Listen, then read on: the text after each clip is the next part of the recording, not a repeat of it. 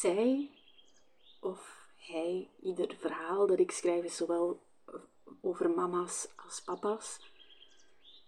Zij merkte dat haar kinderen niet meer gelukkig waren. Ze was al enkele jaren gescheiden en met haar ex viel en valt nog steeds niet te praten. Is heel zacht uitgedrukt. Al die jaren, telkens ze iets vroeg voor de kinderen, kreeg ze een giftig bericht terug. Altijd hetzelfde. Ze vroeg zich af waarom, maar ook vooral waarom bleef het haar toch nog zo raken. Na al die jaren raakten de beschuldigingen in die berichten haar nog steeds. Ze kreeg telkens het gevoel dat ze een slechte moeder was. Hoe kwam dat toch? Waarom bleef dat nu toch duren? Maar die gedachte zette ze aan de kant en ze dacht: ik incasseer het gewoon voor de kinderen. Kinderen mogen niet de dupe zijn van ons, van het, van de scheiding. Ze hebben al zoveel last. Dus ik doe dit gewoon, dacht ze. Ik doe dit gewoon voor de kinderen, ik kan het wel incasseren en op die manier bescherm ik mijn kinderen. Maar haar familie en vrienden die gaven haar ander advies. Die zeiden: Ja, laat je doen. Laat je toch zo niet doen door hem.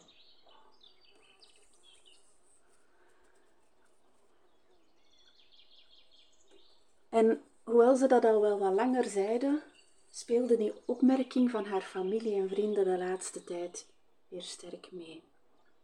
Want ze zag aan haar kinderen dat die niet meer gelukkig waren. Ze zag het vooral aan de oudste, heel erg teruggetrokken, veel huilbuien, weinig praten. Ze zag het gewoon aan haar kinderen. Ze kende hen. Voor de wissel heel veel verdriet, wenen, dagen op voorhand. Mama, ik wil niet naar papa. Kan je missen? Kan ik niet hier blijven? Dit kon ze toch gewoon niet loslaten. Ze moest iets doen voor haar kinderen. En ook al had ze er geen zin in, in de juridische weg, Via vrienden hoorde ze over een advocaat die dit kon regelen via de rechtbank.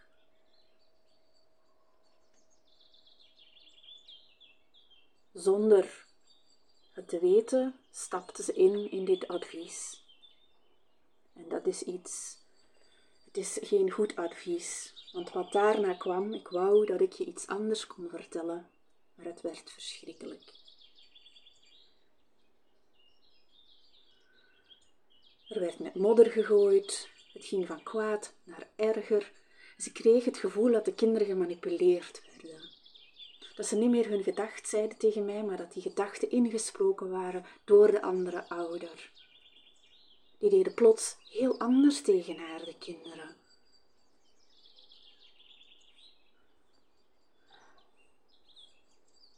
En hoe langer, hoe meer erin had ze echt schrik.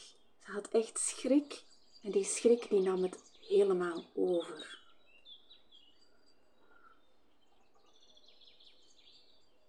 Hmm, vader en zijn advocaat haalden alles uit de kast om haar zwart te maken. Echt heel ongewoon wat er zich afspeelde.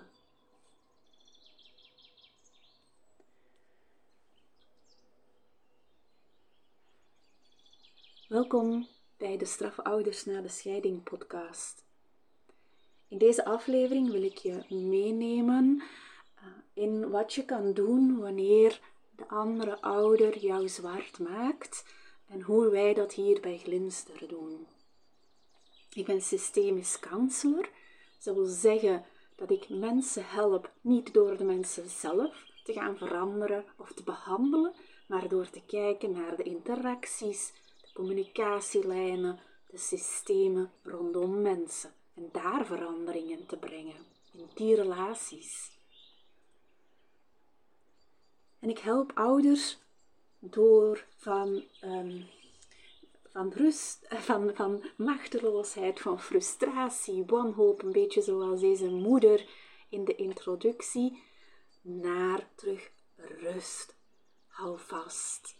Vertrouwen krijgen dat het goed komt met hun kinderen. Ehm, en dat ze ook iets kunnen doen om het leefbaar te maken. Ehm, voor, voor, voor zichzelf en voor hun kinderen natuurlijk.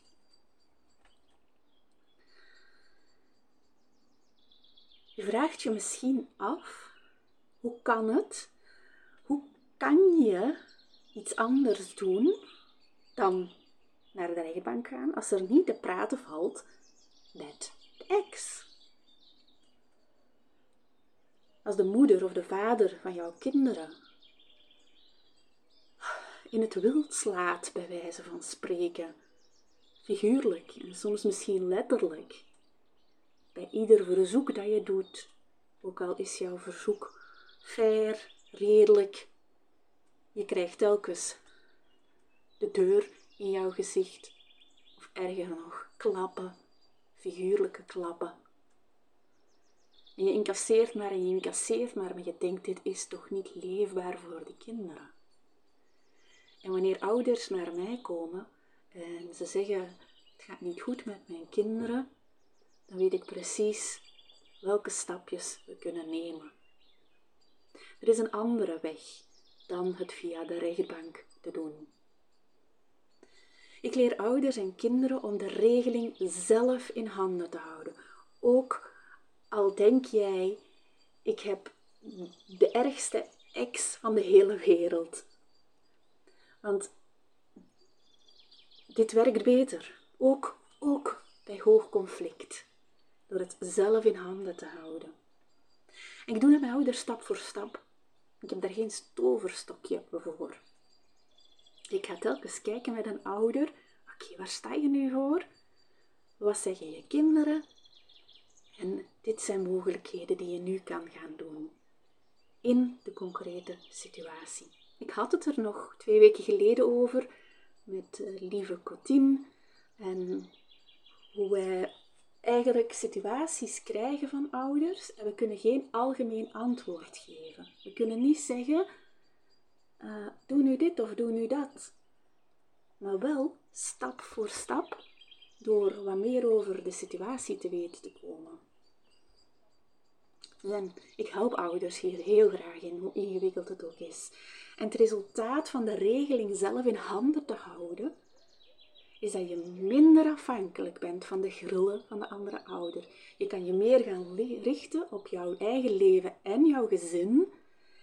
En je kan stap voor stap gaan naar een regeling die leefbaar is. Ik zie ook kinderen die zelf de regeling in handen nemen. Ze kunnen dat niet op hun eentje beslissen, maar ze kunnen er wel dingen mee doen dat die hun klachten terug gaan verminderen. En dat kan gaan over de verblijfsregeling. Bijvoorbeeld, stel jouw kind wil meer bij jou zijn of minder bij jou zijn. Dat kan gaan over een uitzondering op de regeling, bijvoorbeeld een feestje dat georganiseerd wordt. Bij familie, in de tijd van de andere ouder, hoe doe je dat dan? En het kan ook gaan over de financiële regeling. Stel, jij betaalt bijvoorbeeld alle kosten voor de orthodont en de andere ouder betaalt niet mee. Doe je dat dan? Ja? Zonder naar de rechtbank te gaan. Dat kan. Dat kan. En jij ziet misschien de weggetjes niet voor jou, maar ik zie ze wel kan heel helder zien, ah, daar zit een lichtpuntje, daar zit hoop. En ouders kunnen dan zelf altijd kiezen, dat ga ik doen in mijn gezin. Zo ga ik het doen. Dus wat ik jou met deze aflevering wil meegeven, is vanuit mijn ervaring Ga de regeling niet uitbesteden. Houd het in eigen handen. En tijdens de vormingsreeks gaan Hans en ik ouders in de vierde bijeenkomst helpen. Om zo'n ingewikkelde afstemmingen te maken wanneer er niet te praten valt met de ex over belangrijke kindzaken. Oh ja, ik denk ook nog aan de schoolkeuze. Of medische beslissingen. En je leest dan in boeken, lees je algemene adviezen, maar Hans en ik gaan jou precies een schabloon geven, wat jij dan gaat leren toepassen op één situatie en daarna op andere situaties. Een beetje zoals een naaipatroon. We geven jou dat naaipatroon mee en dat kan je dan telkens aanpassen, net zoals ja, mijn moeder naait heel veel. En die heeft dan een naaipatroon en die past dat dan aan aan mijn maat, die past dat dan aan aan de maat van mijn zus, aan haar maat. Ehm, dus ja, een beetje zoals een, een, een patroon. Ik doe dit ook met ouders um, in de Glinster Tribe.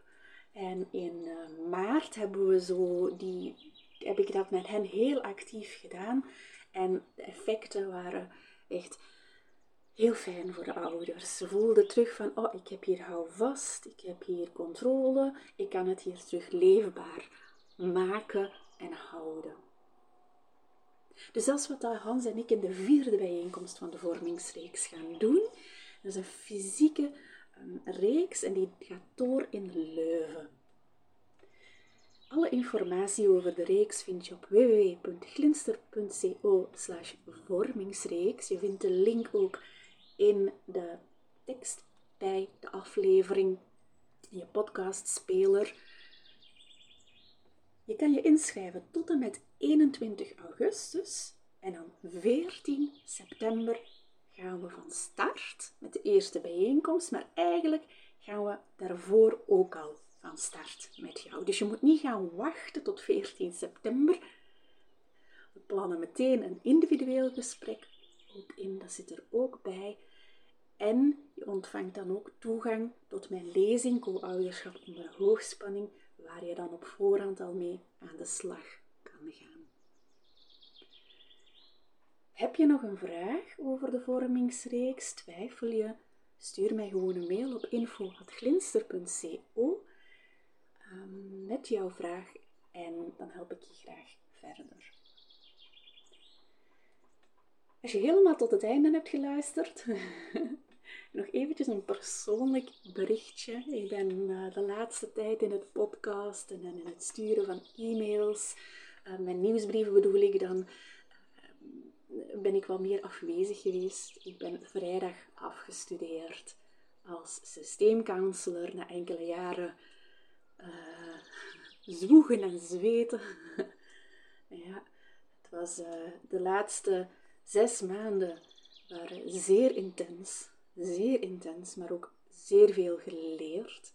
En uh, ik voel nu dat er terug veel meer tijd en ruimte vrijkomt om terug hier en in de nieuwsbrief ook wat meer aanwezig te zijn.